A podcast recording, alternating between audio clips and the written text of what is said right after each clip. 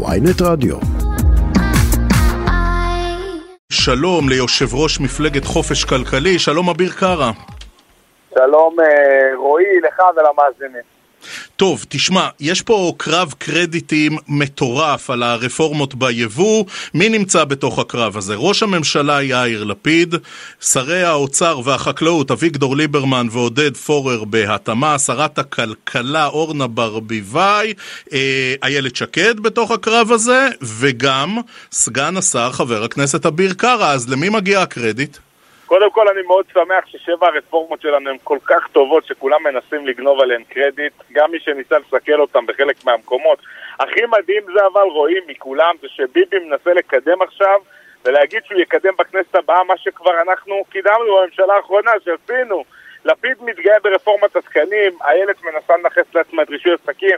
זה נכון שיש עוגת קרדיטים גדולה ובאמת לכל אחד מגיע חתיכה. אותי מאוד מאוד הרגיז בסרטון של... ראש הממשלה יאיר לפיד שהוא שוכח לתת קרדיט כאשר הם בכלל לא ידעו על מה מדובר לפני חודשיים כי ממש לפני חודשיים, עוד לפני שנכנסה אה, נעמה שולץ, מנכ"לית משרד ראש הממשלה לתפקיד, אני פניתי כדי למנות את יואל בריס, וזו הייתה השיחה הראשונה שלי איתה, למנות את ראש רשות הרגולציה, לעמוד בראש הוועדה לנושא של התקנים, היא בכלל לא הבינה על מה אני מדבר. אבל בסוף, כל מה שהרגיז אותי, שצריך לדעת לתת קרדיט. אז קודם כל אני רוצה לתת קרדיט. רוצה לתת קרדיט ענק לפנינה אורן, מנהלת רשות המזון הארצי, שעמדה שם ועשתה באמת עבודה מעולה. אם היא לא הייתה, זה לא היה קורה. אני רוצה לתת קרדיט לצוות של אסף וסרצוג במשרד האוצר, שדחפו קדימה, להראל שליסל, אה, אה, לנועם דן, שמאוד מאוד חשוב לתת לחבר'ה האלה קרדיט, כי מאחורי הקלעים בדרך כלל אנחנו מאוד אוהבים לתקוף ולשנוא אותם. לחבר'ה באגף רגולציה, לעמיחי פישר, לשי עג'מי, דחפו את כל הדבר הזה קדימה. חשוב מאוד לדעת לתת קרדיט לאנשים שלפעמים עושים את העבודה מאחורי הקלעים. אביר קארה, בוא אני אגיד לך אבל את ההבדל בין ריב הקרדיט של אה, ליברמן ופורר, יאיר לפיד ואתה. הם, אין להם בעיה של אחוז חסימה, ולך יש. טוב, תשמע, גם לי כנראה, אתה רואה שאני מתחזק משבוע לשבוע, אני מבין שכולם... ואתה עדיין רחוק מאוד מאחוז חסימה. תראו, אנחנו, שוב, אני עוד לא התחלתי קמפיין, ואני אומר לך שאנחנו ממש ממש משחקים אותה. כולם תומכים בנו, כלכלנים, מובילי דעת, קהל, הציבור מתחיל אה, לרוץ כמו שצריך. אנחנו מכפילים את כוחנו כל שבוע. מת, מת, מתי תתחיל קמפיין? אה, בעוד שבוע וחצי. כל הפוליטיקאים, אתה חייב להבין, הם אותו דבר. כולם הם לוביסטיקאים.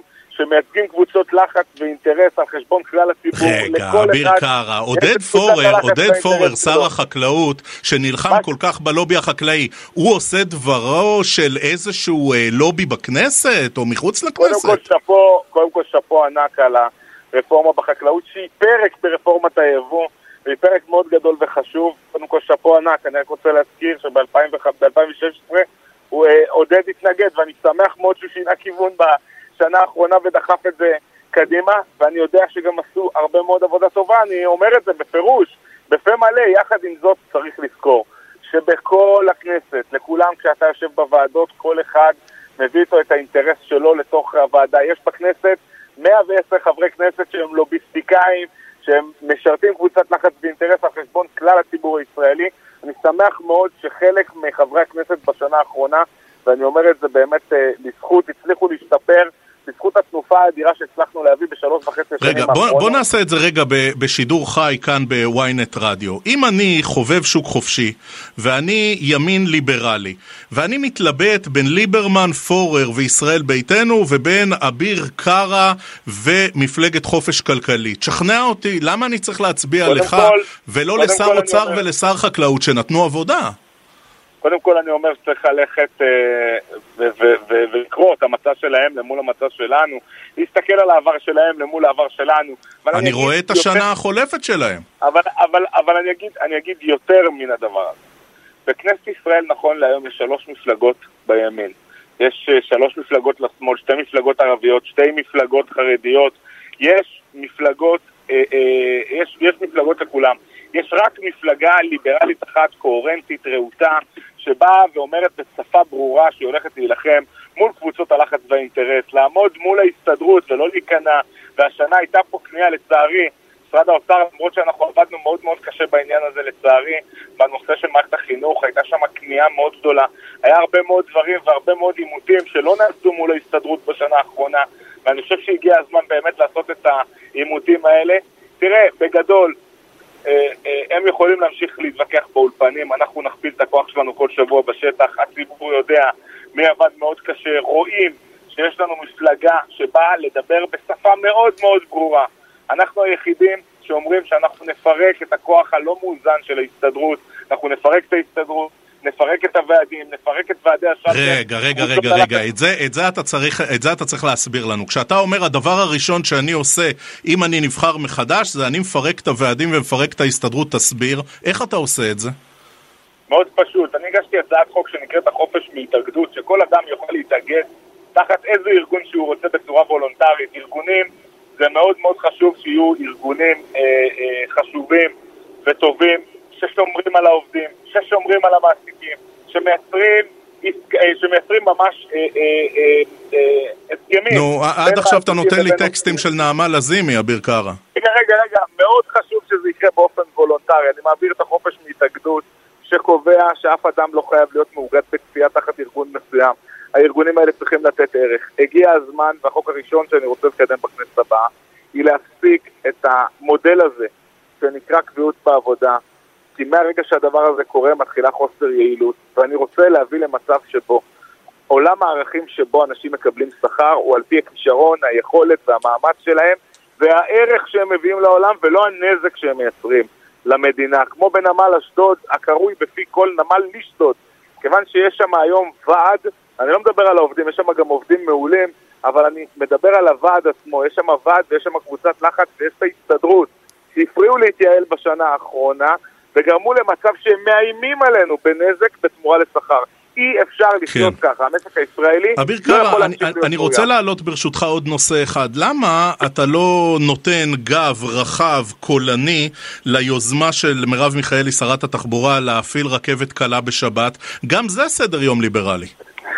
אני חושב, קודם כל, אני לא חושב שהמדינה צריכה בכלל להתערב בנושא הזה. למה הממשלה צריכה להתערב בזה? הרשויות המקומיות שהחליטו בעצמן מה הן רוצות לעשות. זה בכלל לא שאלה שצריכה להיות למדינה. ההפך, אני התעסקתי בזה במהלך השנה האחרונה, כי אני חשבתי מראש, ואני סבור גם היום, שמדינת ישראל לא צריכה לנהל את התחבורה ואת התחבורה הציבורית בטח ובטח. הם היום מפריעים לחברות פרטיות לקום ולהסיע נוסעים, מה שנקרא הסעה ציבורית. יש היום אלפי הסעות שיכולות לעצור מחר בתחנות ולאסוף נוסעים, כן, אבל לא. כן, אבל בעימות שלה, מול, בעימות שלה מול המפלגות החרדיות, בעימות שלה מול המפלגות הדתיות. למה צריך להתעמת עם המפלגה החרדית? למה צריך להתעמת? היא יכלה מראש לקבוע, פשוט להסיר את ההגבלות שיש על חברות נסיעות ישראליות, שיהיו עוד חברות נסיעות שעובדות. גם היום יש תחבורה ציבורית בשבת, אני אחדש לך, נהגי מוניות נוסעים בשבת, הם עובדים. היא הייתה צריכה להסיר את הרגולציה מעליהם, והייתה יכולה לעשות את זה באמצעות הסרת תקנות, היא לא הייתה צריכה אפילו בשביל זה את כל הממשלה ואת כל הכנסת. אם רוצים לעשות את זה, יכולים לעשות את זה. בטח שאמרתי את זה, אמרתי את זה מספר פעמים בריש גלי, לצערי. אתה יודע, לא את הכל היה אפשר להשיג בשנה אחת. אז אתה אומר, אם אני, שר, אם אני שר תחבורה בממשלה הבאה, יש תחבורה ציבורית בשבת. אם אני שר תחבורה ב, אה, בממשלה הבאה, אני מסיר כל כך הרבה מגבלות. משרד התחבורה הוא משרד עמוס רגולציה ובירוקרטיה. לא רק דבר איתי על תחבורה ציבורית, דבר איתי על רכבת ישראל, דבר איתי על נטע. רגע, חד וחלק, למה הרכבת אנחנו צריכים לנהל אותה? למה לא חברה פרטית לנהל אותה?